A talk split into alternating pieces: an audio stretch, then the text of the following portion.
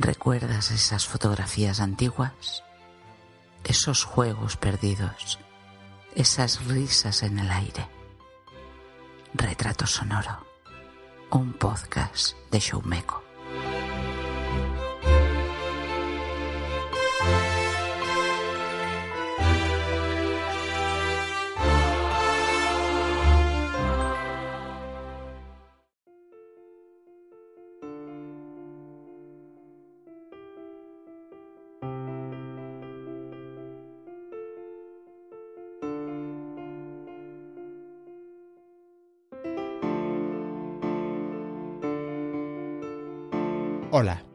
Estás en el retrato sonoro Danny, be sure to wear some flowers in your hair.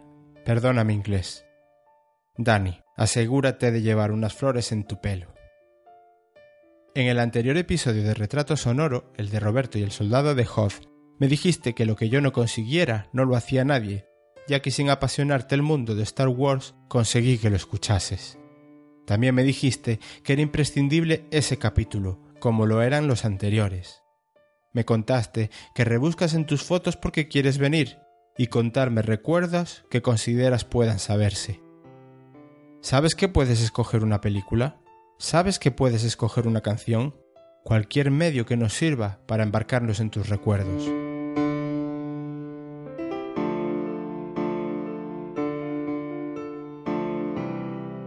Luego publiqué mi primera postal sonora un audio más corto, en un nuevo formato en este universo llamado retrato sonoro.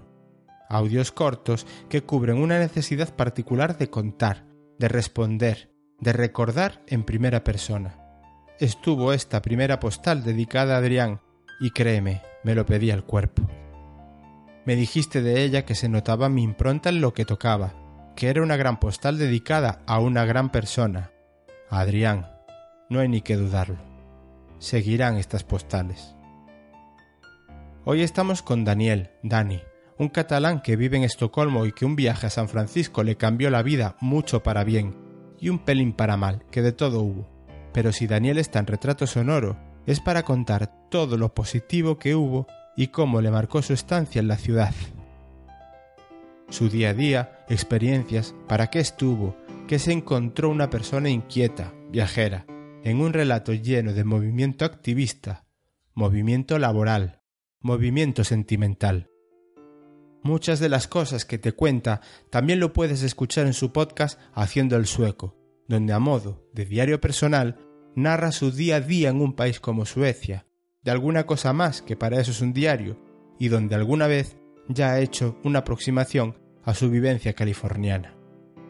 Encuentras hoy el principio y el final de muchas cosas para Daniel, todas con partida y regreso en San Francisco. Encuentras reivindicaciones sobre derechos, matrimonios igualitarios, paellas, gimnasios, softball, casinos, trabajos audiovisuales, su profesión en la actualidad. Y saldrá en la conversación un documental en el que está ahora trabajando, HIV, Uncovered Treating Stigma, VIH al descubierto, tratando el estigma.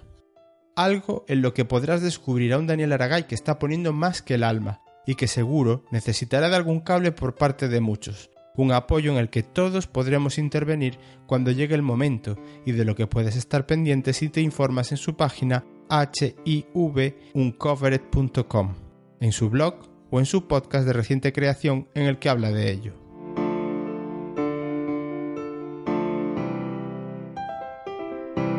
Hoy te vendo un billete para ir a San Francisco. Felipe y Merche pilotan el avión que te acerca hasta allí. Ana y Rosalía te recogerán en el aeropuerto para llevarte a tu hotel de estancia y Emilio Souto, de Loureda, te pone la música que acompañará a tu viaje. Subamos al fallado, a la guardilla de los recuerdos de Dani y viajemos con él hasta California.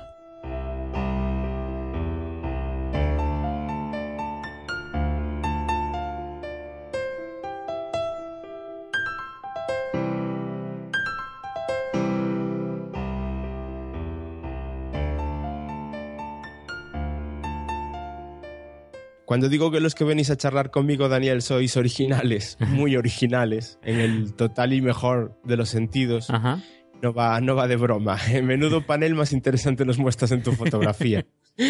Si tuvieses que hacer una descripción general de lo que puede ver el o la que nos escucha, ¿cuál harías?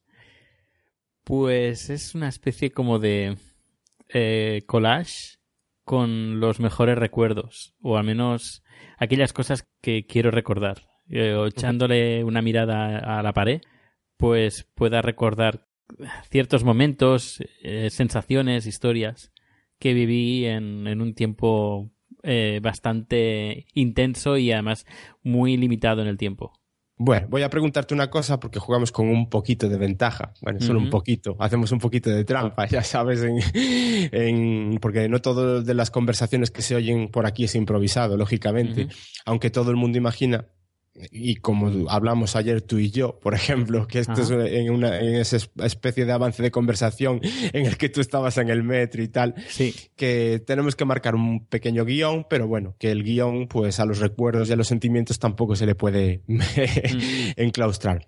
Pero es que hay dos elementos en este panel de recuerdos tuyos que no forman parte específicamente de esa estancia en San Francisco de la que nos vas a hablar más adelante. Ajá, sí. Eh, están un poco entroncados o relacionados con ese momento vital. A ver, mm. ¿cuáles serían y, de qué se trata? A ver, una, una cosa anecdótica más que otra cosa es el, la entrada que hay del uh, Royal Albert Hall, que es, es una entrada que sobre el 80 cumpleaños de John Williams famoso mm, eh, compositor y director de orquesta que hizo bandas sonoras como por ejemplo Star Wars, eh, Superman y La Guerra de las Galaxias. Bueno, sí, Star Wars y La Guerra de las Galaxias es lo mismo. Es lo mismo.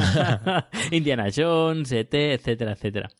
Pues ah, en el Royal Albert Hall celebraban el 80 cumpleaños de este compositor y yo compré la entrada con mucho tiempo de antelación y se ve que dio la casualidad que, que era el mismo fin de semana eso era creo que el viernes, pues era el mismo fin de semana de las JPod que se hacían en Sevilla.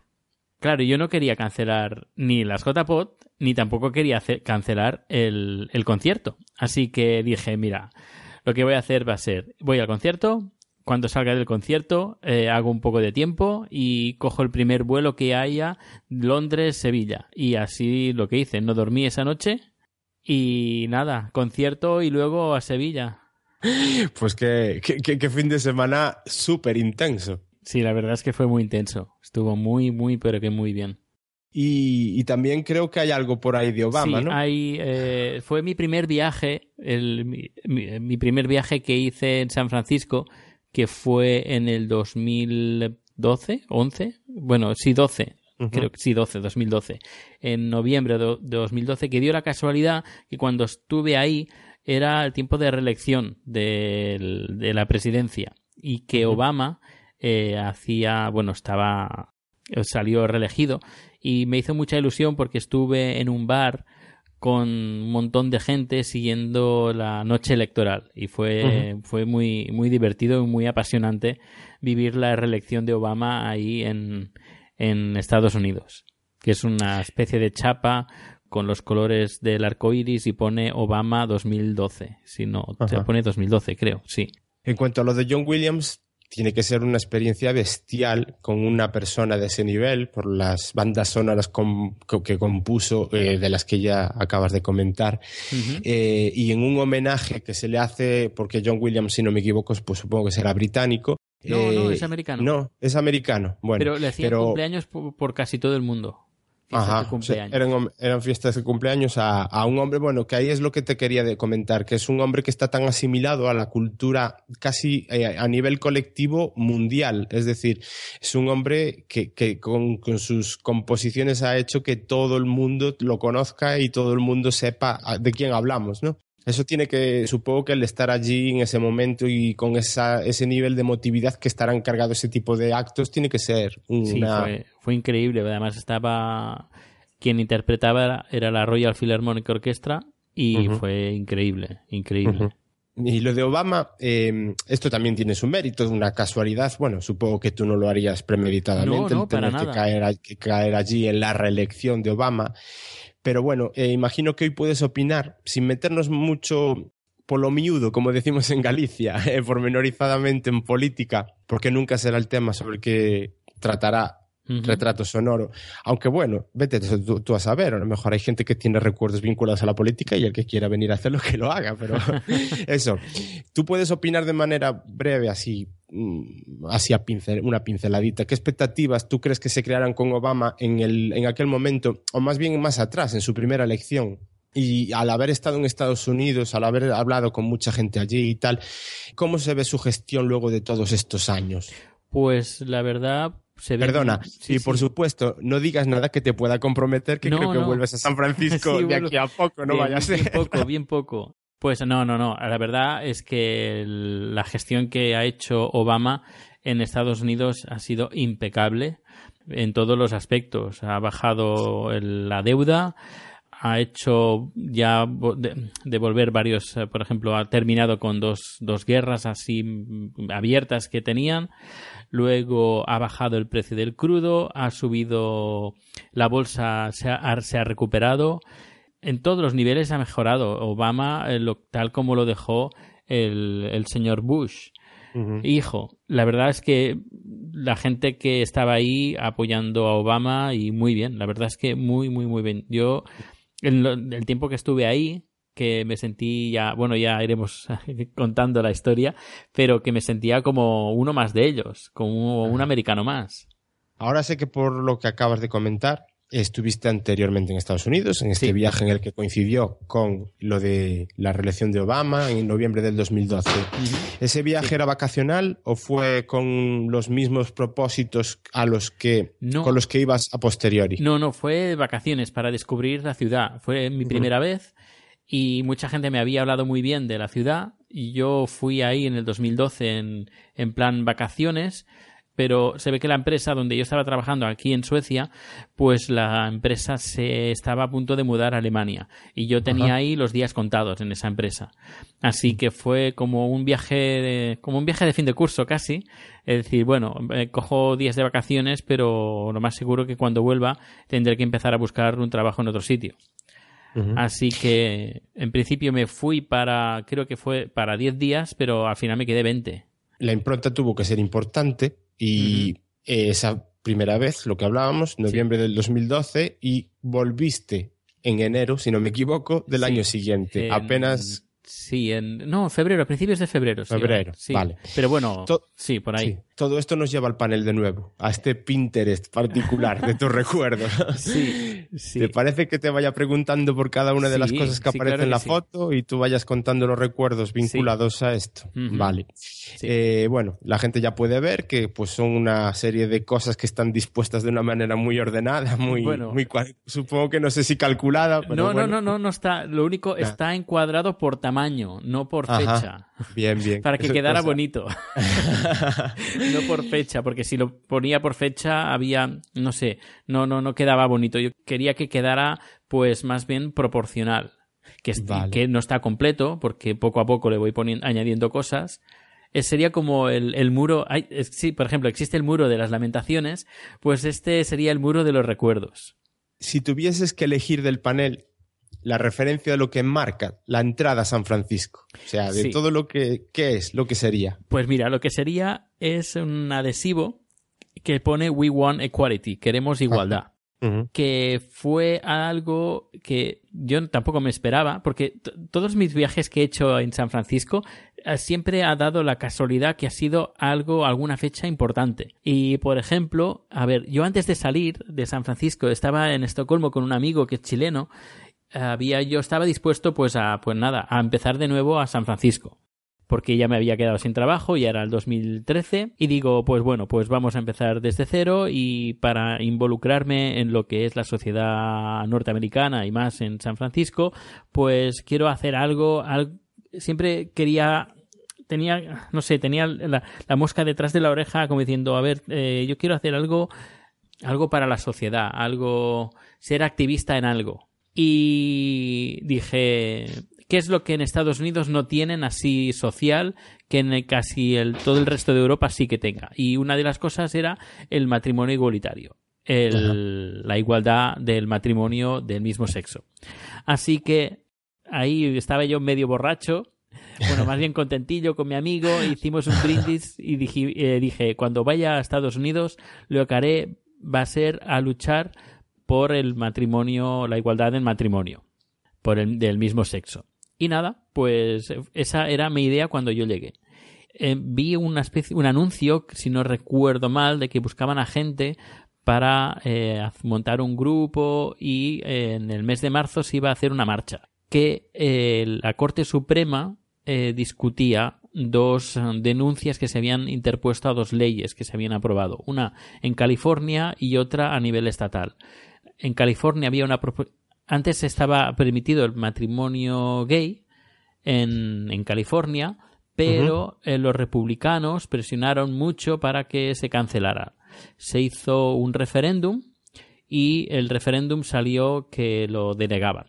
Fue, además, este fue uno de los motivos por el cual eh, Arnold Schwarzenegger, que era el, el ¿cómo se llama? El, eh, gobernador. el gobernador de California, fue uno de los motivos que él dejó dejó de ser el gobernador. No sé si te acuerdas que dimitió del cargo. Pues uno de los motivos fue eso, de que su partido hizo todo lo posible para que prohibieran el, matrimonio del mismo sexo en California. Y luego en Nueva York ah, hubo un, dos mujeres que, en Nueva York pues ya estaba permitido el matrimonio del mismo sexo. Había dos mujeres que estaban casadas y una, una mujer, ya eran mayores, una mujer murió y la otra tenía que cobrar la herencia. Como pues, estaban casadas, pues, pues por la ley federal, eh, si ella quería tener acceso a, esa, a ese dinero, pues tenía que pagar un dineral. Y ella puso una denuncia a la Corte Suprema que esa ley era anticonstitucional. Y aquí también se puso otra denuncia en el, en el Tribunal Constitucional, podríamos decir, Corte Suprema, diciendo que también esa ley que habían aprobado prohibiendo el matrimonio gay era anticonstitucional, porque según la Constitución americana dice que todos son ciudadanos americanos sin importar la religión, el sexo, nada. Y claro, no, no hablan de, de orientación sexual, así que la orientación sexual no tiene que no hace americanos de primera ni de segunda, sino que todos son americanos. Así que por eso dijeron que era anticonstitucional. Y eh, se hicieron varias marchas por todo Estados Unidos. Una se hizo en San Francisco. Fui a la reunión, que hicieron una reunión, y me abrieron eh, la puerta y me recibieron con los brazos abiertos. Yo dije, pues nada, que era español, que vivía en Suecia y que quería hacer algo, pues para la, para la sociedad y bueno, en plan activista. Me aceptaron, me dijeron, ¿tú qué puedes hacer? Yo dije, mira, lo que puedo hacer pues son vídeos, fotos y cosas así multimedia. Y me dijeron, vale, pues tú te encargas. Y yo me encargué de hacer varios vídeos de presión, podríamos decir, y también incentivando a la gente para que se apuntara para esa marcha, que se hacía el 25 de marzo del 2013. Y nada, hicimos la marcha y durante la marcha se repartían estos, incluso antes se repartían estos adhesivos que pone queremos igualdad. O sea que tú ya ibas con la idea de entrar fuerte y entrar ya a hacer algo, no llegar a la expectativa. Ah, efectivamente, yo ya quería ir con planes. Bueno, has hablado de todo lo que nos has contado de la lucha de la igualdad matrimonial en Estados Unidos. Eh, recuerdo el revuelo causado en España cuando Zapatero decidió por el 2005 presentar la ley que modificaba el Código Civil y permitía el matrimonio entre hombres y entre mujeres. No hace tanto de esto, no hace tanto, porque si echamos la vista atrás, pues apenas han pasado 10 años. Y aunque diferentes instituciones y algún, y algún que otro partido político se postularon en contra, incluso con grandes manifestaciones, pues eso, al final ha pasado el tiempo y yo creo que está más que asumido. ¿Qué contrastes encuentras tú con los Estados Unidos? Por lo que veo, pues mm, la reforma ahí llegó a posteriori, o sea, digamos que se consintió a nivel más estatal, no estatal, sino a, nivel como país, quiero decir, porque los estados, ¿verdad? Que la estructura del estado allí es diferente y tal. Quiero decir, aquí en España yo creo que era una cosa que se asumía por mucha gente ya a nivel personal, es decir, a nivel del pueblo, no tanto a lo mejor a nivel institucional.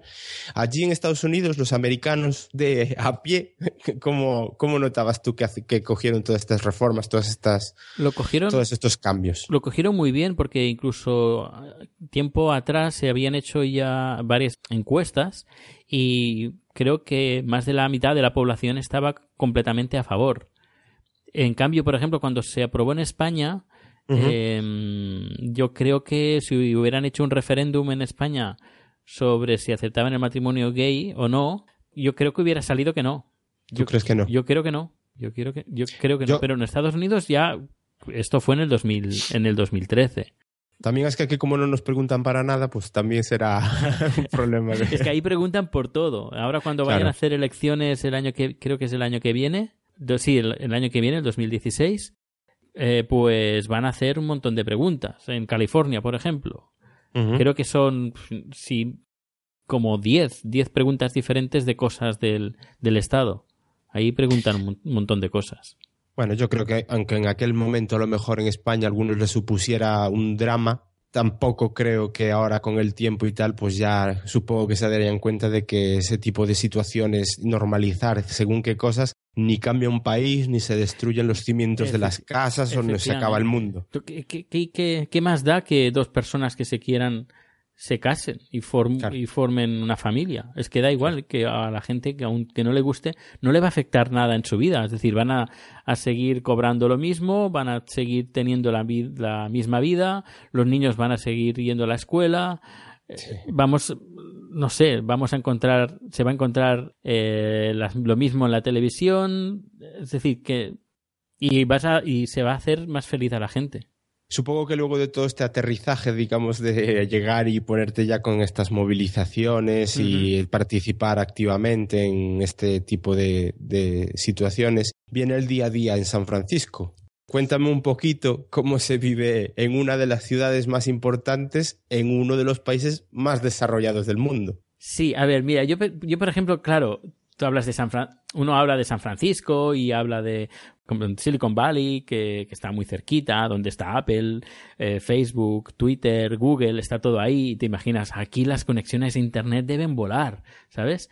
Y que deben ser súper baratas. Pero luego te das cuenta que no. Que, por ejemplo, Suecia, le da, Suecia a nivel conectividad le da mil patadas, a, al menos a, donde yo estaba, San Francisco. Le da mil, pero mil patadas en precio, en velocidad, en accesibilidad, en, en infraestructuras, en todo. Pero sin contar eso, pues bueno, uno se tiene que acostumbrar a lo que tiene. Y pues nada, pues eh, por ejemplo en, el, en, la foto pues se puede ver el ticket mensual uh, del metro que pone Clipper, que está, que es de color azul, que es la tarjeta del metro, que es así como digital, eh, bueno, eh, que la acercas al, lo cargas con dinero, o si no, haces un abono de, mensual. Bueno, está una tarjeta de, del metro y del, del bus. Luego, pues estaba yo en la calle Castro y muy cerquita al lado había una tienda de ropa que, que pone Body en la tarjeta. Eh, gente muy, muy simpática, muy agradable. Luego estaba, claro, yo tenía que hacer vídeos y me tenía que hablar con gente y todo. Y me presentaron a un señor que se llama eh, Charles, que es una tarjeta, aparece como una, una tarjeta de visita. Y hay como un hombre con una cámara de fotos. Y es un señor que estuvo al lado de Harvey Milk que Harvey Milk, bueno, se hizo una película que se titula Milk, que además creo que ganó un par de Oscars, si no recuerdo mal, que es sobre la vida de Harvey Milk. Y este señor en, ya en los 60, creo que eso fue en los 60, 70, era amigo de Harvey Milk y se encargaba de, filmar. Era como yo, ¿sabes? Que estaba ahí filmando y grabando. claro, yo lo hacía en vídeo y él lo hacía en, en cine, en Super 8. Pero era como, era como yo. Me hizo mucha gracia encontrármelo en un Starbucks y me lo presentaron y me dio la tarjeta y muy bien. La verdad es que mm. muy majo. Sobre todo, eh, supongo que todavía te daría especial ilusión conocer a esta persona por, em, digamos que tu entrada a San Francisco con esas movilizaciones y ese tipo de, de, cómo te involucraste a nivel activismo y tal para eh, conocer sobre todo una persona que estaba muy vinculado a, ese movimiento aún muchos años atrás. Sí, me hizo, me hizo especial ilusión encontrarme a este señor y que fuera una persona tan eh, próxima. Nota al pie.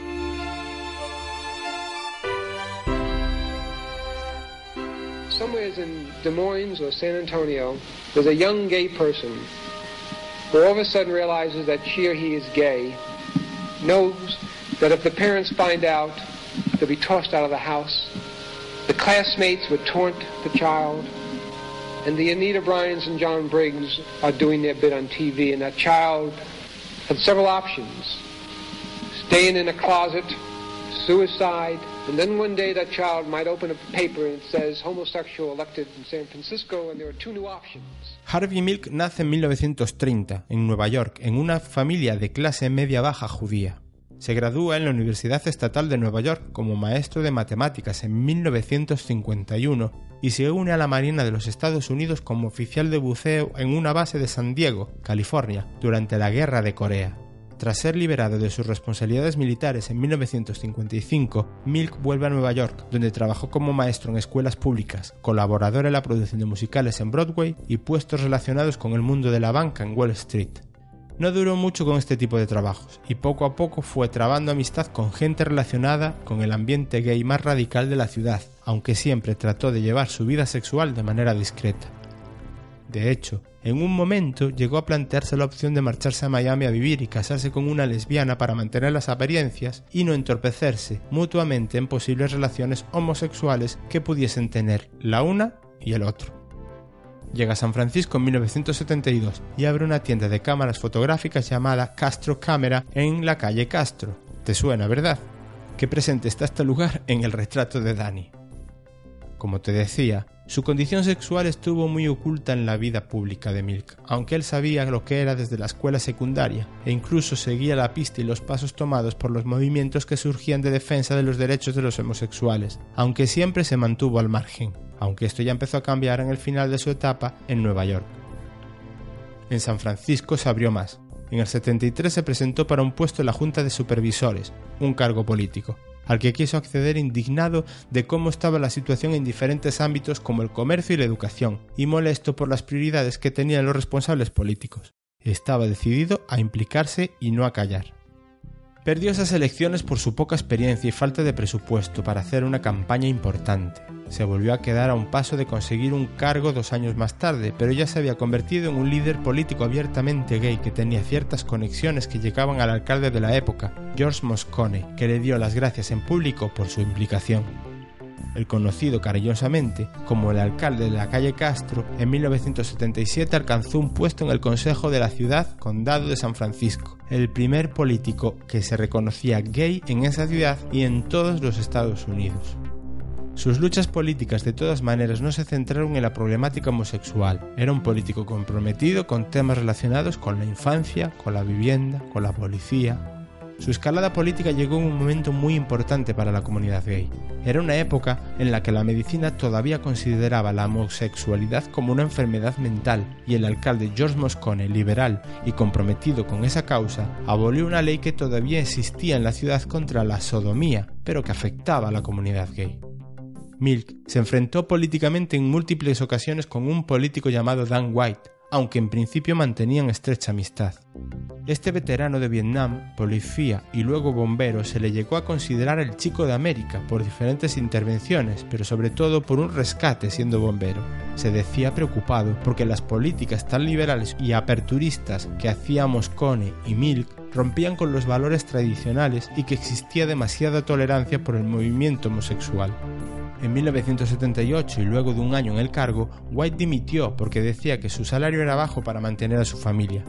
Cambió de opinión y pidió que el alcalde Moscone lo volviese a nombrar, y este se negó asesorado por Milk y otros concejales para que nombrase en la Junta a un político más liberal. Para White, que como dije estaba convencido de que Moscone y Milk llevaban a la ciudad al caos, fue la gota que colmó el vaso. El 27 de noviembre de 1978, White entró en el ayuntamiento con un revólver. Evitó los controles de armas y su primera visita malintencionada fue en el despacho del alcalde Moscone, donde le pidió de nuevo que lo nombrara para el cargo, y este se volvió a negar, a lo que White respondió con dos disparos en el pecho y uno en la cabeza. Luego salió al pasillo donde se encontró a Milk y le disparó dos veces en el pecho, otra en la espalda y otras dos en la cabeza. Finalmente se entregó en la comisaría donde solía trabajar. Como curiosidad contarte que en el juicio Dan White se presentó como alegación lo que se denominó defensa Twinkie, nombre de un conocido pastel dulce de los Estados Unidos. Y como referencia friki decirte que es un pastel muy nombrado en la película Zombieland. Un acusado de asesinato no arrepentido decía que estaba mal porque hasta un cierto momento de su vida llevaba una dieta sana que abandonó por comida basura y azucarada, lo que provocó en él ese digamos arrebato de violencia homicida. El jurado lo aceptó y su condena se vio drásticamente rebajada, consiguiendo salir de la cárcel cinco años después de ingresar en ella, cuando en situaciones similares muchos acababan en la silla eléctrica. En 1985 White se suicidó arrepentido y apenado. La pena de cárcel comunicada provocó que manifestaciones en un principio pacíficas de la comunidad gay de Castro se tornasen violentas. Se movilizaron a más de 5.000 policías que se dirigieron a la calle y aprovecharon la coyuntura para atacar a la comunidad sin una orden clara sobre el particular. Las revueltas acabaron con 124 personas heridas. Este episodio se conoce en la historia americana como la White Night Riots, disturbios de la noche de White. En los años transcurridos desde el asesinato, el legado de Milk ha inspirado numerosos libros, documentales y películas donde se nos dibuja un Milk líder y pionero. Y como te comentó Dani, en 2008 Sean Penn lo interpretó en la película biográfica Milk, por la que terminó ganando el Oscar en 2009 al mejor actor por su interpretación del político. Luego tengo, tenemos aquí la tarjeta del gimnasio, cuando iba al gimnasio, en San Francisco, muy cerquita también de casa. Eh, que pone Fitness SF. Luego hay como una especie como de, moneda de, madera que pone 6, a ver que lo veo, 4440 Castro, que era, es un bar que tú a veces pues te daban una especie como de moneda de, madera y tú dabas eso y te daban una bebida a, cambio, por ejemplo, si te invitaban. Luego hay otro que pone 2 por 1 un cupón de 2 por 1 de color azul, que es también de otro, de otro bar de la calle, muy cerca de la calle Castro. Y nada, pues los fines de semana, pues quedar con los amigos, tomando una cerveza eh, o tomando un cóctel que, bueno, muy, la, la hora feliz, la happy hour. Luego, por ejemplo, hay una tarjeta que pone Cache Creek, que es de color marrón y negro, que es de un, pone además mi nombre, además Daniel Esteban. E, esta es una historia, es una historia muy, muy divertida yo nunca, aunque parezca mentira, que he viajado un montón de sitios, he ido un montón de, de, de, lugares, nunca había entrado en un casino. Nunca. Nunca. Porque es, es, algo que no, no sé, nunca me ha llamado eso de ir a un casino. De, eh, los juegos del azar no me gustan, no sé.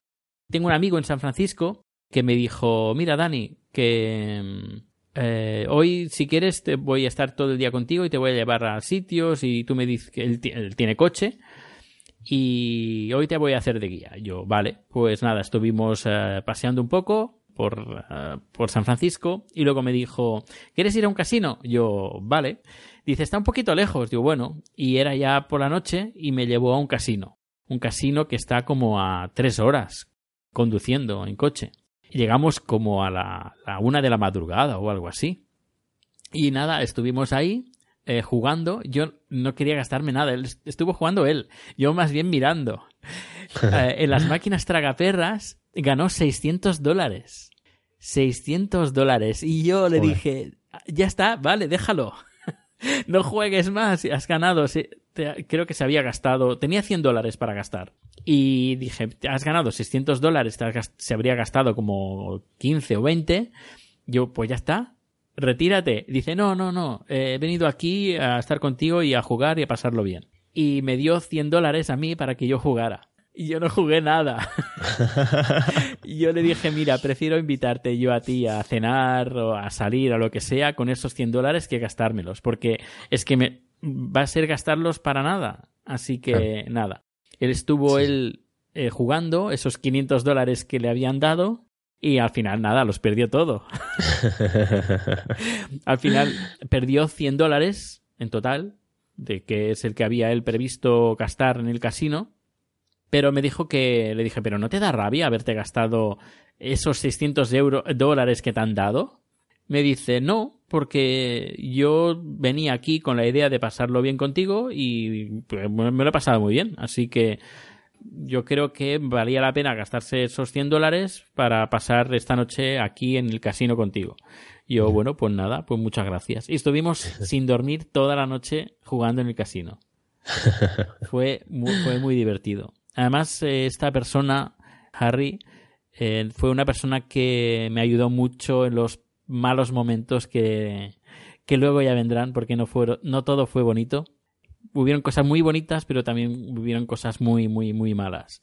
Pero bueno, de eso ya hablaremos más adelante. Hablabas también del transporte público, si no me equivoco. Eh, estos son los famosos tranvías que se ven en estas películas que están ambientadas en San Francisco. Se me viene a la cabeza alguna de estas largas cuestas en las calles y cómo se suele presentar la imagen de la ciudad en pelis o en series, ¿no? Sí, eh, se pueden coger, tú coges el transporte público normal, el del metro, y tienes eh, también la posibilidad de montarte en esos tranvías.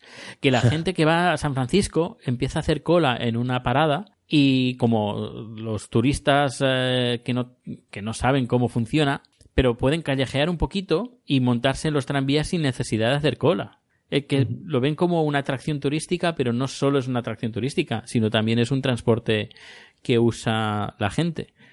Que usan más los turistas por, por, lo bonito que es, pero bueno, que también se puede usar para trasladarse, no, no solo para pasearse también de, de, en cuanto a lo del gimnasio, los, las personas que están en los gimnasios siempre se suele hacer, vamos, o por lo menos yo también soy de los que hago muchas veces catalogación de gente que va a los gimnasios, los hay que están ahí levantando 800 kilos en cada brazo y pegan, pegan unos chillidos cada vez que tienen que levantar algo así.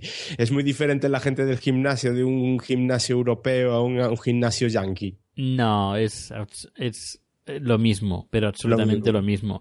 La gente va con sus auriculares, va escuchando su música, algunos hablan entre ellos, amigos y poco más, pero no sé, yo iba ahí, eh, me ponía los auriculares escuchando podcast y ahí pasaba mis horas en el gimnasio. ¿Escuchas? Retrato sonoro. Eh, a mano derecha ah, pone Cougars y es como una especie como de, de, de, flyer. Que este flyer lo diseñé yo porque tengo unos amigos ahí que juegan una especie como de liguilla de eh, softball. Que el softball es una especie como de béisbol para aficionados, para torpes. Es un béisbol para torpes. Porque se juega en, un, en una especie de cancha más pequeña Luego la pelota es como cuatro o cinco veces más grande, es decir, que así más fácil de darle con el, con el bate. Eh, las, normas, las normas son muy, muy, muy similares al béisbol. Pero ya te digo, es, es bastante más, más fácil, por, sobre todo por la pelota, porque es muchísimo más grande. Y nada. ¿Acudiste a más eventos deportivos que al softball? No. O sea, pero la referencia que tendrás la misma referencia que yo, me refiero a nivel de ver pues partidos de béisbol, a lo mejor no verlos, no pararte, porque yo tampoco me pararía a ver un partido de béisbol, sinceramente, pero bueno, la idea que siempre existe sobre los deportes americanos, generalmente, quitando un poquito el baloncesto, es que suelen ser deportes muy pausados, muy tranquilos, no nada, nada movidos ni intensos. Ya, ya lo puedes decir, al menos es, sí, es bastante aburrido. Lo que yo hacía, me, pues me llevaba mi cámara de vídeo y la cámara de, del iPhone hacía fotos y poco, ya está, es lo que hacía. Y, los veía jugando y ya está. Y me pidieron que hiciera un flyer porque iban a celebrar el final de temporada. Me enviaron la foto, que, que aparece en ellos una especie como de Villacuzzi enorme y les hice, les hice ese, ese diseño pues para promocionar un poco la fiesta que iban a hacer el día 25 de mayo del 2013, de 3 a 7 de la tarde, que se puede ver. Y, me llama la atención una tarjeta o adhesivo que pone paellas olé. Sí, a ver, ¿dónde estás? Ahí está. Sí, a ver, yo estuve ahí buscando trabajo eh, y estuve haciendo varias, eh, varias cosillas. Eh, intentando. Estuve a punto de entrar en Apple, en Cupertino, pero cuando me pidieron el número de la seguridad social, pues dije, no, yo no tengo números, me lo tenéis que arreglar vosotros. Y claro, me dijeron, no, no, es que necesitamos a alguien ya, eh, porque el proceso es bastante largo. Así que me fue bastante difícil. Luego conocí a una chica que tenía un negocio eh, haciendo paellas para eventos, que se llamaba Paellas Olé. Y nada, pues ella, pero tenía muy pocos eventos. Tenía como uno a la semana o dos a la semana a lo sumo. Y claro, a ver, una persona no puede vivir con un evento a la semana haciendo paellas. Pero bueno, pues quieras o no, pues bueno, hice mis, mis paellas ahí para 30, 40 o 50 personas. Hice creo que cinco o seis paellas. No, no, no, no más. No más. Pero, Pero bueno, estuvo la- muy divertido. Y, y para ponerte eh, a, a atreverte a sentarte, o sea, no sentarte, pero no porque no podrías sentarte a preparar una paella de 30 o 40 personas. No, Quiero no. decirte que algún bagaje previo tendrías antes de ponerte a hacer una paella. Para, pa- primero, atreverte a hacer una paella para mí ya es complicado, pero para hacerla para 40 personas ya tiene que ser la repanocha. Entonces, eh, algo sabrías preparar de antes y, Sí, o una sí, experiencia previa, ¿no? A ver, había trabajado en Estocolmo en un restaurante eh, de tapas, de cocinero, que fue eh, mi primer trabajo. Claro, pues, y también por otra parte me ha gustado siempre cocinar. Que también he de decir que yo no soy un cocinero profesional, pero al menos eh, lo intento. lo intento. Y vaya, creo que se me da bien porque si no, eh, no me hubiera contratado. Y me, me hizo pasar una prueba que para mí fue bastante difícil y que salí, además me quedé sorprendido de lo que, de lo que había hecho. Me pidió que hiciera una arroz a banda. El arroz banda es bastante complicado si no tiene los ingredientes eh, frescos y que sabrosos. Y tuve la suerte de que encontré marisco fresco, encontré los ingredientes geniales, perfectos, y me quedó el arroz a banda que yo le decía, uy, qué bien me ha quedado. Luego lo pensaba que no tenía que haber dicho nada de eso, porque pa- parecía como si nunca hubiera hecho un arroz a banda, que tampoco era cierto, pero el, mejor arroz a banda que había hecho en toda mi vida. Y me quedé alucinado. Y además haciéndolo ahí, en, en Estados Unidos, ahí la, la arroz a banda. Y nada, fue, fue muy divertido. Hay una especie de adhesivo cuadrado que pone Castro, así en varios colores. Sí. Ah, claro, si Apple no me contrata y los demás no, no me contratan, pues tendré que buscarme soluciones, tendré que buscar otras soluciones. Y estuve hablando con el, la, el- la, presi- la presidencia del distrito de Castro, eh, la asociación, que engloba pues todos los comercios, tiendas que hay en, en el barrio de Castro, y les propuse hacer una especie como de vídeos turísticos para promocionar Castro. Porque, a ver, yo- Castro entre el colectivo gay es, un, es referencia a nivel mundial. Pero cua- cuando tú llegas ahí, ahora está bastante mejor. Pero yo cuando llegué ahí en el 2012, 2013, pues eh, yo me esperaba otra cosa. Me esperaba algo más, no sé, mejor condición. Y no había mucha promoción. Y lo que hice fue un vídeo, vídeo piloto, enseñando cosas de, de Castro y quería hacer como una especie como de, de serial a través de, de internet en formato vídeos de lugares eh, puntuales, lugares, eh, hablar cosas típicas de Castro, que en la calle, la- una plaza, el cine. Hice el, el vídeo piloto y que me salió muy chulo, estoy muy contento. Además está eh, disponible en YouTube, en mi canal, si alguien lo quiere ver. Pero bueno, me dijeron que ese año, claro, que no había presupuesto para ese año que tendría que esperar para la siguiente temporada. Pero claro, tampoco podía estar esperando un año con las manos en los bolsillos, así que tuve que ah, seguir haciendo cosas. Hablas de Castro como una referencia y la propia ciudad de San Francisco es referencia a nivel mundial en el tema del mundo gay. Es decir, si, hay una referencia es San Francisco como ciudad con, Sí. este, con este tema. No nos vamos a meter en eso, sino hablando del tema de la propia ciudad, de, eh, Ujú. temas que me has dicho del día a día, de los lugares escondidos o no tanto que vas descubriendo. Tú, como persona ajena que eras a San Francisco, conocer cómo se desenvuelven esos micromundos tan diferentes unos de otros, como son ciudades tan grandes y tan cosmopolitas, como supongo será San Francisco. Eh, habrá gente de diferentes nacionalidades, diferentes modos de ver la vida. Sí. San Francisco es ciudad para quedarse a vivir. Eh, he llegado a escuchar por ahí que es de las ciudades más europeas de Estados Unidos, que tiene más un talante más europeo, mm, si se puede entender la forma de concebir la vida así. Sí, sí, porque es una ciudad que, por ejemplo, te la puedes eh, pasear andando. Hay centro histórico, cosa que, por ejemplo, te vas a otras ciudades como, por ejemplo, Los Ángeles, que está muy cerca, relativamente cerca, y Los Ángeles, pues bueno, pues no tiene casco histórico. Tú vas al casco histórico y vigila porque a lo mejor te pueden atracar. Es bastante peligroso y no puedes pasear, necesitas coche para moverte a todas partes. En cambio, San Francisco, no sé, me recuerda Barcelona, por ejemplo, por tener el, el, mar cerca. El clima también es bastante, es muy mediterráneo. Eh, no sé. De ahí, de, ahí sus, de ahí, sus, vinos, los vinos de California, ¿no? Sí, eh, se hace muy buen vino. Pero bueno, que es una ciudad agradable para pasear, para en el centro e incluso callejear. Cosa que, por ejemplo, Dallas, esto ha estado en Dallas y en Dallas pues como que no puedes callejear. Eh, uh -huh. Tienes que coger el coche para ir de un, de un lado a otro. O sea, son ciudades muy grandes que uh -huh. hay los centros comerciales está todo muy diseminado. En cambio, San Francisco pues eh, está todo más centrado. Si miramos un mapa de San Francisco está como en una especie de península y está rodeado por, por el mar y por el hay una especie como de lago a mano derecha, decir, que no, no puede crecer, tiene que ser para, para el sur, pero en el sur también hay, monta hay montañas. Es como Barcelona que está rodeada también de montañas y mar, pues San Francisco es bastante parecido.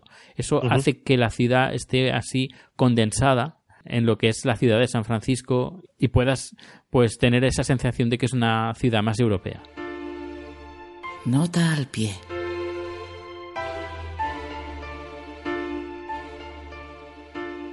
San Francisco, sin duda la coprotagonista de este retrato sonoro. Como he hablado con Daniel, se la considera la ciudad americana más europea. Se disparó a gran ciudad desde pueblo chiquitito con el estallido de la fiebre del oro de 1849. Es una ciudad cargada de tanta historia reivindicativa, la generación beat, el verano del amor y flower power de los años 60. O como escuchas en este podcast, reivindicaciones de derechos homosexuales el Golden Gate, la isla de Alcatraz o como la conoces del cine o literatura, La Roca, Lombard Street o Chinatown son otras de las visitas obligadas cuando uno va a la ciudad. Sobre su barrio chino, como mencioné antes, Chinatown, decir que cuenta con la comunidad china más grande e influyente fuera de su país original. Ese tranvía, medio de transporte que nace a mediados del siglo XIX y al que hacemos referencia Daniel y yo, la línea Powell Height, donde mejor se pueden contemplar las calles empinadas y diferentes colinas que adornan su orografía.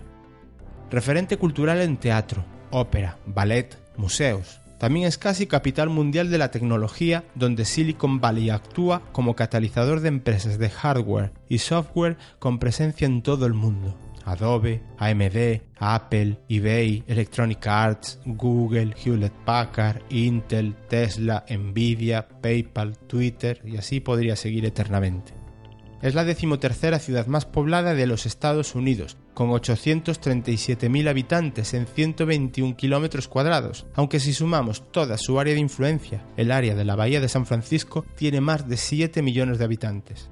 Sus orígenes son españoles, fundada por colonos y religiosos en 1776 con una misión llamada San Francisco de Asís, pertenece al Virreinato de España, es decir, bajo influencia directa del reinado español hasta la independencia de México en 1821, que asumió su control en un principio, pero que rápido pasó, en unos seis años, a formar parte del territorio estadounidense.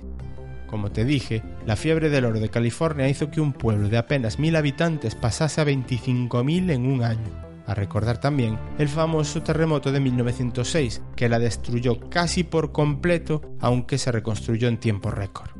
Se considera la segunda ciudad de Estados Unidos en calidad de vida, por detrás de Honolulu, en las islas de Hawái, o sea que en territorio continental podemos decir que es la de mejor calidad de vida ya el carácter multicultural que conserva hoy en día viene de poco después de sus orígenes, ya que cuando esa fiebre del oro, la zona estaba llena de mucha gente procedente de multitud de países del mundo, suizos, japoneses, chinos, hispanos. Cuando llega en 1869 el ferrocarril y con él la influencia anglosajona, los americanos de nueva estampa, estos viejos ingleses, dictaron normas contra todo lo que oliese a japonés, chino o hispano, nos sirve para ver cómo se fue forjando la personalidad de un país como Estados Unidos. Ahora la anécdota musical que también es historia.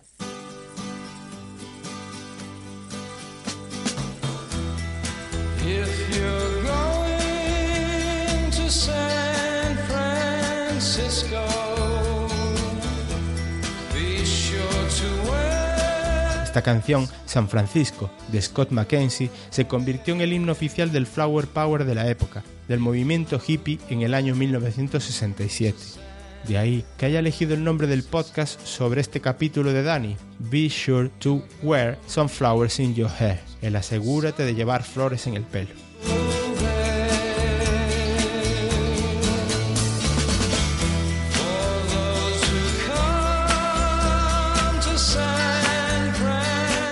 Movimiento hippie se hizo fuerte justo en la época de la guerra de Vietnam, con la gente cansada de tanta arma y guerra.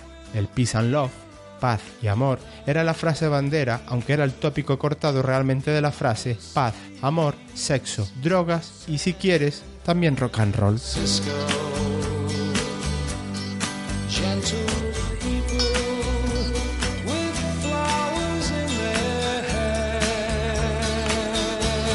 Canción sale de un festival de música pop en Monterrey en 1967, al que iban a acudir The Mamas and the Papas, Simon and Garfunkel, Grateful Dead, Janis Joplin, The Animals, The Who, Jimi Hendrix y tantos y tantos otros. ¿A qué te suenan? Miles de hippies de todo Estados Unidos acudirían y las autoridades de Monterrey, muy preocupadas por todo lo que se les podía venir encima, hablan con John Phillips de The Mamas and the Papas para que componga una canción que llame a la paz, a la concordia y a la tranquilidad.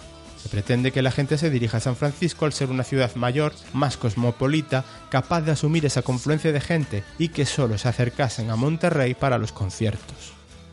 Phillips, el autor del tema, no puede cantarlo. Digamos que tiene mucho lío con la organización del evento. Y le pide a Scott Mackenzie que lo haga. Un tipo descalzo, flores en el pelo. Vamos, ideal para esa imagen hippie. Ensayan una tarde, graban y en cuatro días está a la venta siendo un hit mundial en tiempo récord.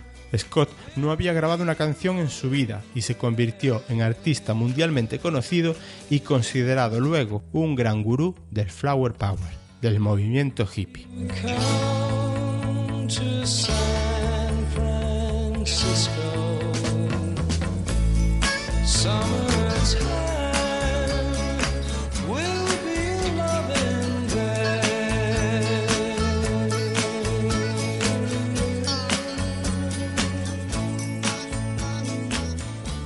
Sé que este panel tiene cosas especiales porque hay cosas que te recuerdan a días decisivos y trascendentales en tu vida.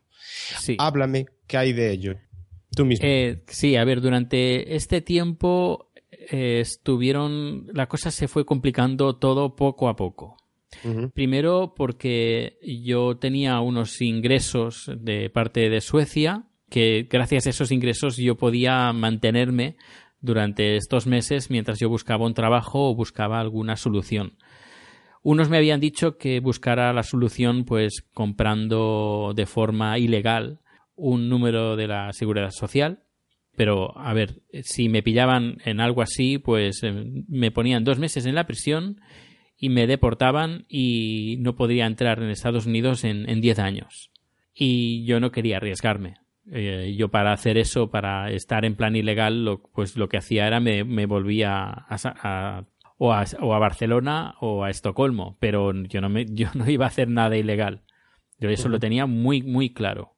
En el tema de, en Suecia me paralizaron los pagos porque mi jefe en la empresa donde yo estaba, que es los que se habían ido a Alemania, no enviaron unos papeles, al, podemos decir, a la oficina de trabajo y la oficina de trabajo me canceló los pagos hasta que no recibieran los documentos que tenía que enviar mi jefe.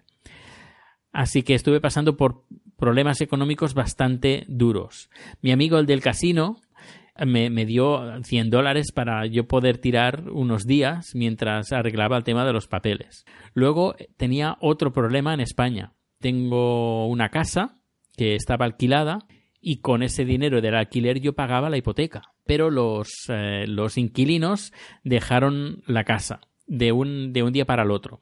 Quien llevaba todos los trámites y todo, todo era mi- mi, eh, mis padres. Y claro, dijeron, bueno, que no has avisado con un mes de antelación, que era un mes de antelación o dos, ahora no recuerdo exactamente. Y le dijeron, no te vamos a devol- devolver la fianza. Y esa gente, eh, los inquilinos, le dijeron que si no le devolvía la fianza, iban a destrozar a la, la casa. Así que mi padre me dijo, mira, tal como está la cosa, prefiero devolverle la fianza y que se vayan. Así que tenía problema en San Francisco porque no encontraba trabajo. Tenía problema en ah, Estocolmo por el tema del, del dinero. Y luego también tenía problema en España por la, la hipoteca, porque tenía que pagar, estar pagando la hipoteca. Aparte de eso, eh, estaba saliendo con un, un, chico en San Francisco y la cosa terminó muy mal. Muy, sí. muy mal. Se juntaba Y- todo, va. Se juntó todo, además un día eh, decisivo, que fue el día 26 de junio. El día 26 de junio eh, fue el día de la decisión, cuando el Tribunal Supremo apro- eh, quitó esas dos leyes que, yo trabajaba para que las, las quitaran, la, propos- la proposición 8 y la DOMA, que, que antes he contado, que ese día fue el día, le llamaron el día de la decisión. Y fue un, también un día para mí, un día de la decisión. Porque fue un día muy, muy, muy, muy duro. Fue cuando rompí con, con el chico con el que estaba saliendo, me enteré de ciertas cosas que, bueno, eh, fue la cosa muy, muy mala. Y ese día, pues nada, tenía que estar celebrando algo, eh, tenía que estar contento, pero ahí empezó una depresión bastante grave. Ese mismo día ya compré el vuelo de vuelta. Eh, lo hice, creo que fue a Estocolmo, porque primero tenía que arreglar los papeles en, en Estocolmo. Sí. Y fue como, ¿sabes? Como una derrota. Que Se- todo lo que se- había hecho no servía de nada. Pero es paradójico precisamente porque, eh, digamos, que algo por lo que estabas ah, luchando también, colaborando en esa lucha de activismo, activista y tal, claro, al final no dejamos de ser personas individuales y cómo nuestra situación personal puede llegar a amargarte algo por lo que estuviste luchando como colectivo. Es, es las paradojas de la vida, supongo, y Sí, eso sí, cómo sí. te cómo te acabó derrotando esas situaciones que a lo mejor pues la de a lo mejor lo de los papeles pues si no era de solución antes pues podía ser posterior la de la devolución el tema económico pues oye siempre tal pero claro la puntilla es la ruptura de una relación pues es más Sí. es más afecta y mucho además, más cómo, cómo, se te- cómo se terminó la relación. Además, fue la, la forma que, es, que, que se hizo fue muy dura. Muy dura. Eso fue la guinda de ese día. Y claro, yo tenía que estar contento y feliz y no, no podía. Vino mi amigo, el del casino. Es, ese día estuvo todo el día conmigo y esa noche estuve conmigo, conmigo también, me hizo compañía. Tuve, eso fue el día 26. El día 26 compré el vuelo de vuelta para el 4 de julio. 4 de julio del 2013, el día de la independencia. Y durante esos días, otro amigo estuvo conmigo todos esos días y acompañándome. Y esos días dije, mira, estos pocos días que me quedan aquí, al menos a disfrutar un poco, lo poco que puedo disfrutar, lo poco que, siento para disfrutar, es lo que haré. Alquilé un coche y me acompañó y fuimos a la zona de los viñedos.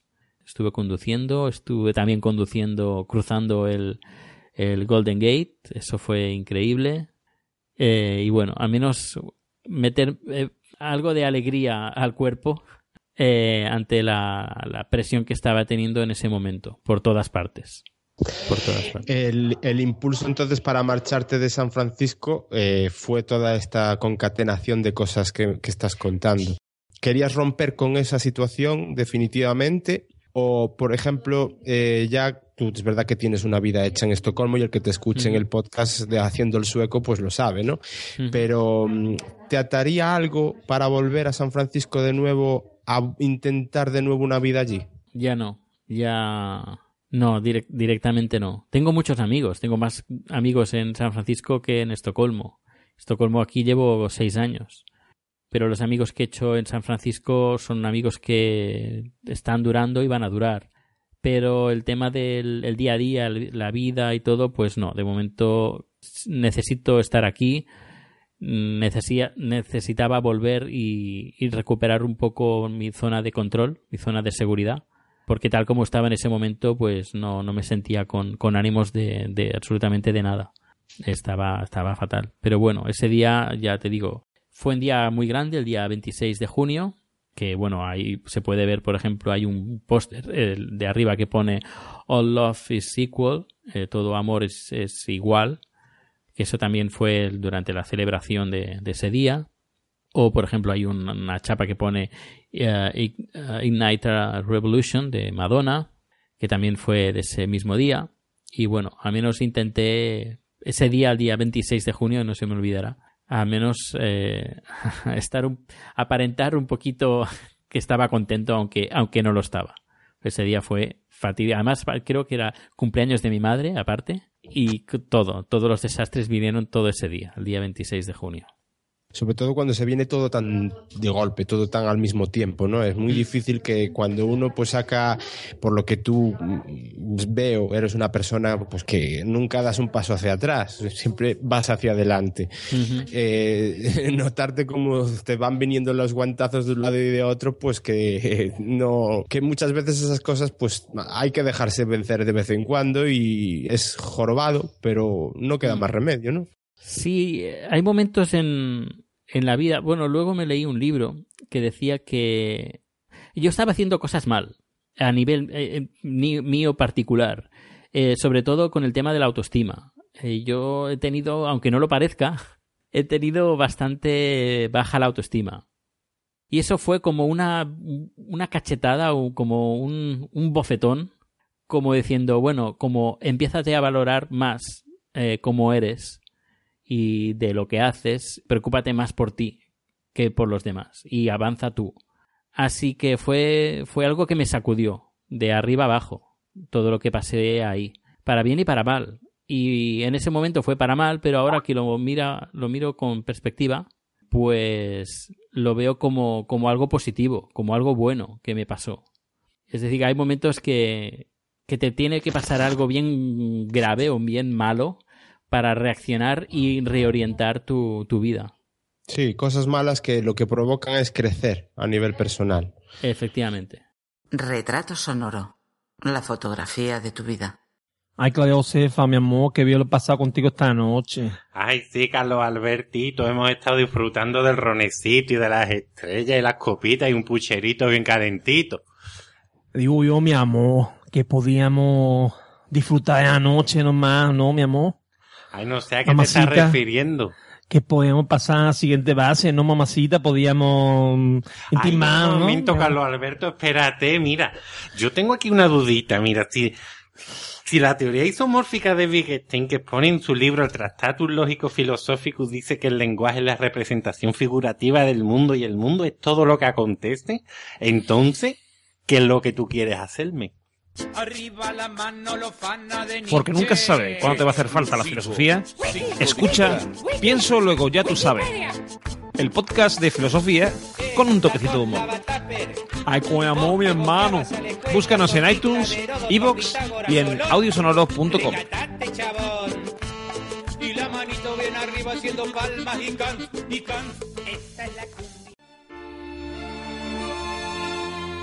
Mientras tanto,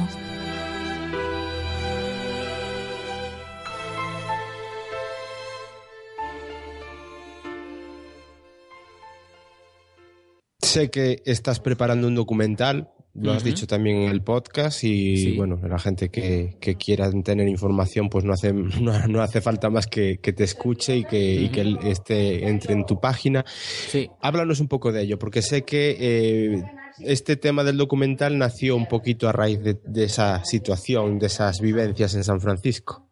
Efectivamente, efectivamente. Quería eh, hacer algo un poquito de algo más de multimedia. Ya cuando estaba ahí haciendo los vídeos para esa asociación quería hacer un documental y pero no encontraba un tema con el con el cual yo me, me sintiera um, capacitado o no sobre todo no, no solo eso sino que tuviera los contactos suficientes como, como para, para poder hacer algo interesante novedoso y diferente hablando con amigos y con un montón de gente al final decidí eh, hacer un documental sobre el, sobre el VIH, pero desde un punto de vista diferente, porque, por ejemplo, eh, en San Francisco en los 80 eh, hubo una, bueno, un gran, un gran problema, el, todo lo que fue el VIH, el SIDA, porque no había ningún, ningún tipo de medicación, los médicos no sabían qué era lo que estaba pasando. Ya me, me contaron que la gente ahí con estas, con estas palabras, van a sonar duras, pero con estas palabras me decían, aquí la gente en los 80, los gays aquí morían moríamos, decían, moríamos como moscas. Es más, hoy, por ejemplo, he hablado con un con un chico que, este, que forma parte del coro gay de San Francisco, que van a estar en el documental, les voy a hacer una entrevista. En, eh, se fundaron en los años 70, finales de los, de los 70. Me dijeron que han muerto de su grupo 300 personas del SIDA. 300. Sí, alucinante. 300, alucinante. Pero luego, con las cosas que yo veía, con las cosas que me contaban y todo, me di cuenta de que hay mucha información que la gente de la calle eh, no, no, no, lo sabe. Los medios ya no, no hablan de, de los, por ejemplo, de los últimos avances sobre el VIH, que es la infección con más recursos económicos y con más investigación que se está haciendo hoy en día, incluso más que el cáncer. No sé, yo me contaban cosas que yo me quedaba alucinado. Luego dio la casualidad que tengo un amigo que está en, en Holanda, trabaja en un laboratorio y adivina que está investigando, y VIH. Y claro, me contó un montón de cosas, me pasó papers, que son documentos científicos que tienen acceso pues las universidades y laboratorios. Él me daba los, uh, los enlaces, yo los leía y yo decía, pero esto, esto la gente lo tiene que saber.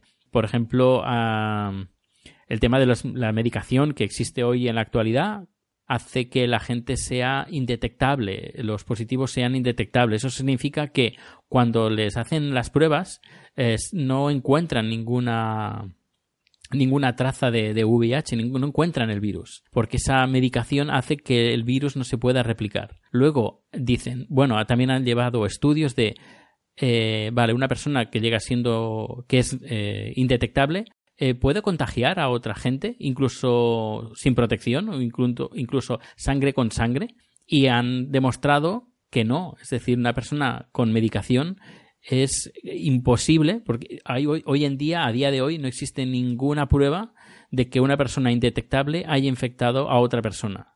Nada, cero. No, hay, no ha habido ningún, ningún tipo de infección.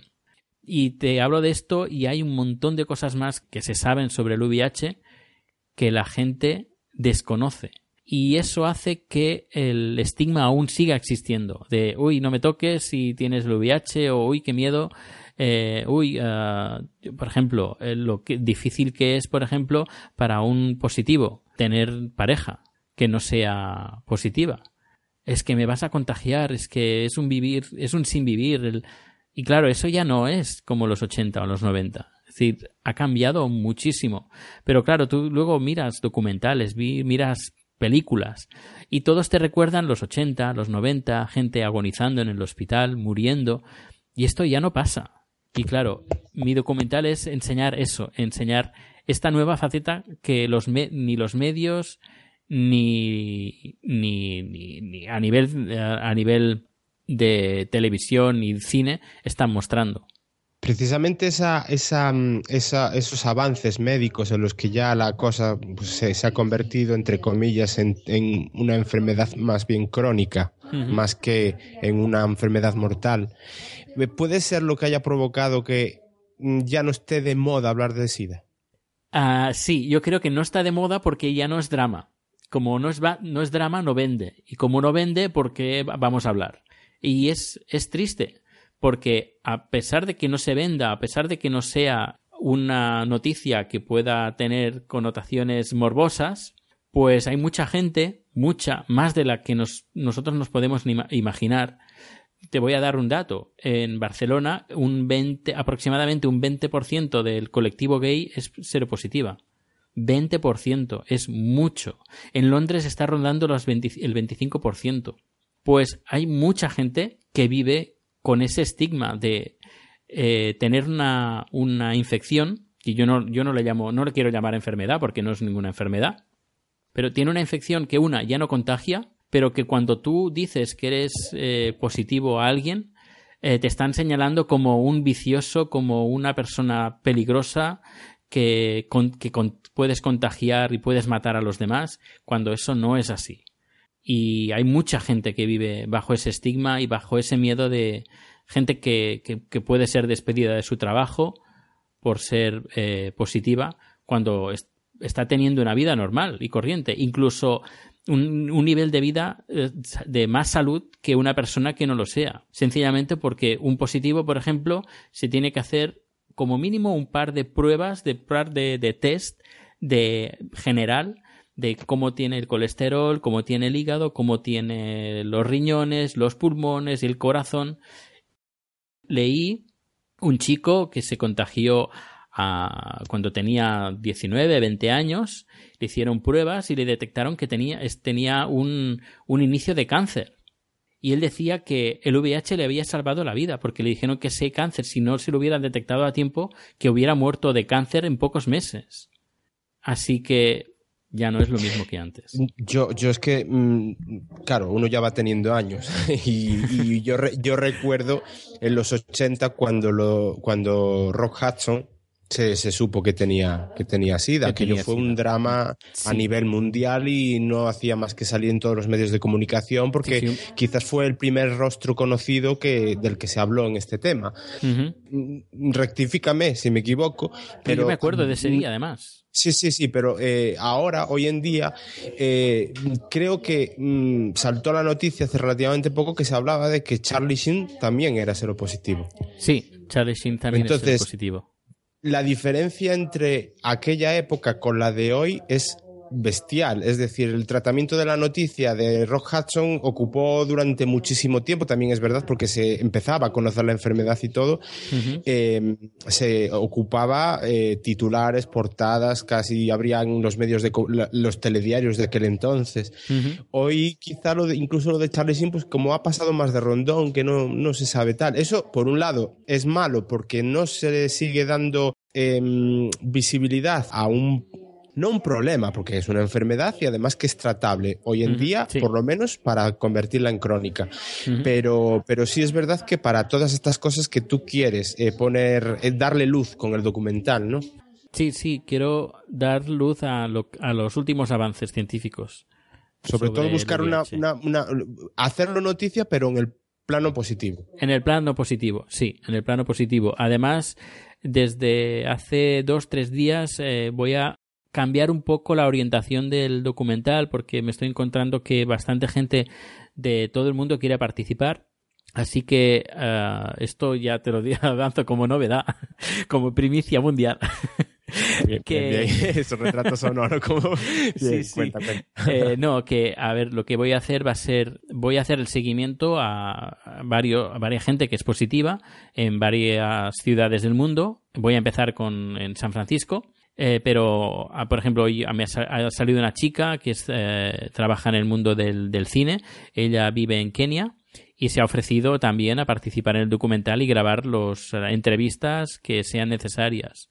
Y quiero pues ir a Tailandia, quiero ir a, bueno, a España también, voy a ir, Alemania, hacer un seguimiento de gente que está viviendo con el VIH, gente que se infectó en los 80 y gente que está recientemente infectada que nos expliquen su vida y de entre estas entrevistas de la gente eh, con su día a día voy a insertar entrevistas a científicos eh, y tengo confirmaciones que cuando me lo iban confirmando alucinaba. ¿Y cómo puede ser que este señor me diga que sí, que no me conoce de nada, que puedo ser uno cualquiera para hacer un documental casero para mis vecinos? Y no, no, yo tengo la oficina de, infecciones, eh, de enfermedades y de infecciones eh, de Estados Unidos, la oficina que además está trabajando en, varios, en varias vacunas, me han aceptado la entrevista, que están en Washington.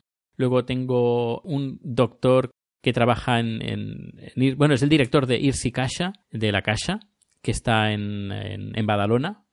Eh, ellos también me ha confirmado eh, la, entrevista. Está trabajando en tres vacunas. Y bueno, una, una, doctora del Karolinska Institutet, que es el hospital aquí en Suecia, que además son los que dan el premio Nobel de Medicina. Es decir, que me han confirmado unas entrevistas tan, tan alucinantes que digo, bueno, esto lo tengo que tirar para adelante. Aunque me está costando, ¿eh? No es fácil, ¿eh? No es fácil. supongo que la cantidad de recursos que tendrás que destinar será importante. Sí, la verdad, ahora los recursos los tengo bastante limitados, pero mi idea es ir ahora a San Francisco. Mi idea es grabar varios, tengo varias entrevistas, grabar ahí, y luego ya cuando vuelva a finales de enero, montaré una campaña de crowdfunding en Kickstarter eh, buscando financiación. Luego, aparte, he montado una asociación eh, sin ánimo de lucro para yo también poder mato dos pájaros de un tiro. Por una parte puedo pedir eh, subvenciones al gobierno sueco para hacer el documental y por otra parte también es una garantía para la gente que aporte algo de dinero también una garantía de que el dinero que aporten va a estar, reglado y, controlado por el gobierno sueco mirando, pues claro, yo tengo que guardar todas las facturas, tengo que guardar todos los ingresos que tengo y tengo que demostrar que el dinero que se gasta eh, va a estar orientado para el documental.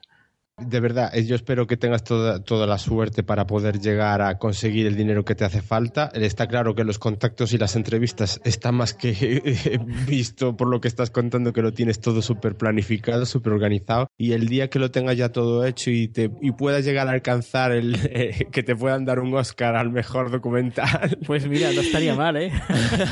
Podré decir que ya me hizo ilusión eh, poder tener este retrato sonoro contigo, pero bueno, imagínate tú después decir que he tenido un retrato sonoro con alguien que ha ganado un Oscar.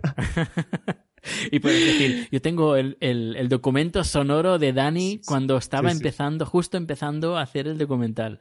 Claro que sí, claro que sí. Además, a, día, a días visto ya de empezar a hacer entrevistas y cosas. Sí, sí, porque no, Para... no he empezado nada de entrevistas.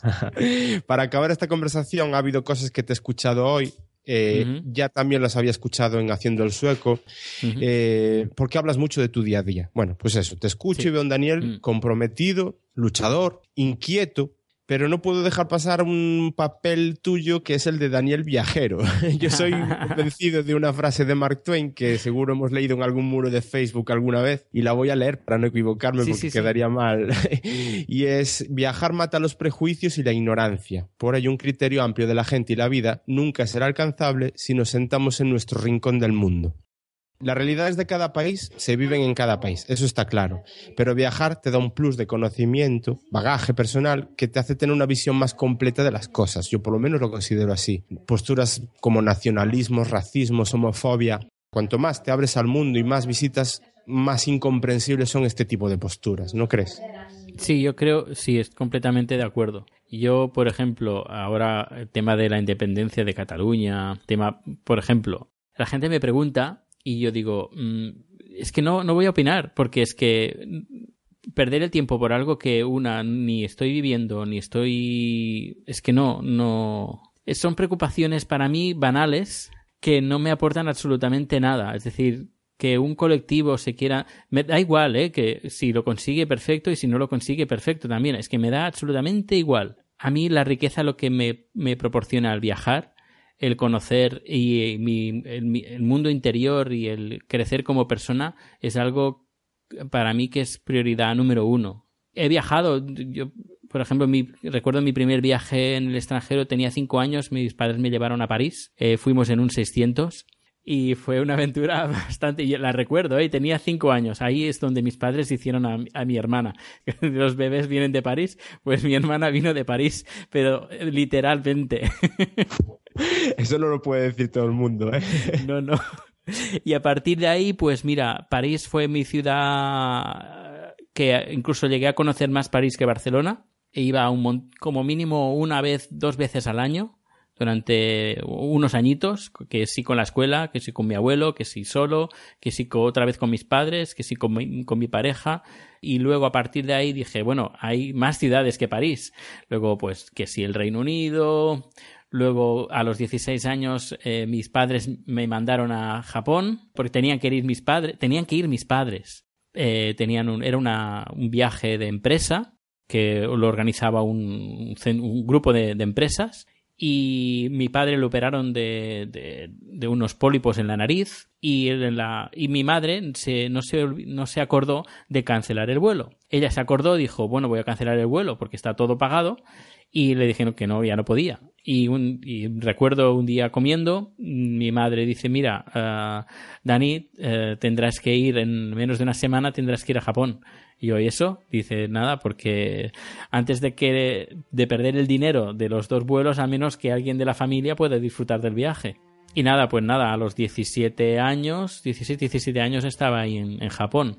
Eso fue una vivencia in- increíble, que me encantaría volver, porque claro, uno cuando viaja con 16 años, 17 años, pues lo vive desde un punto de vista diferente. Ahora siento un poquito más friki, tema de la tecnología y todo, pues a mí me encantaría volver y disfrutar de otro punto de vista, eh, lo que es el, el país del sol naciente, lo que es Japón.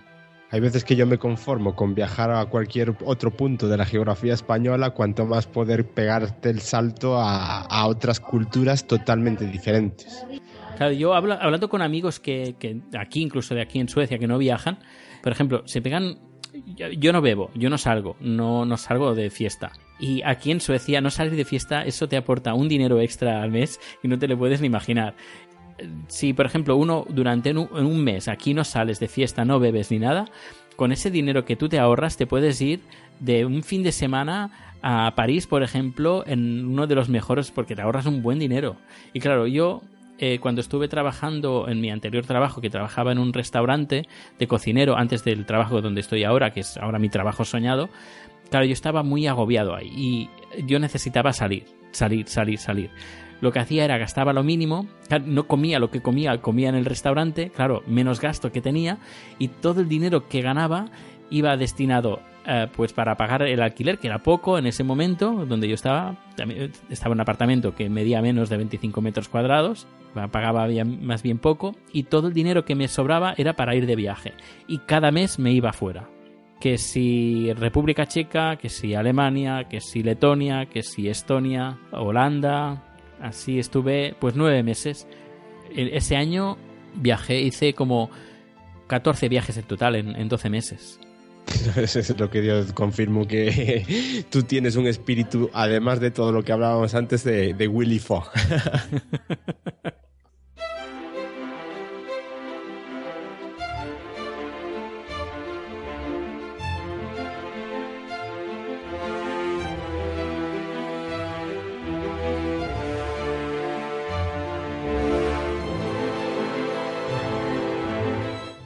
Has escuchado Retrato Sonoro,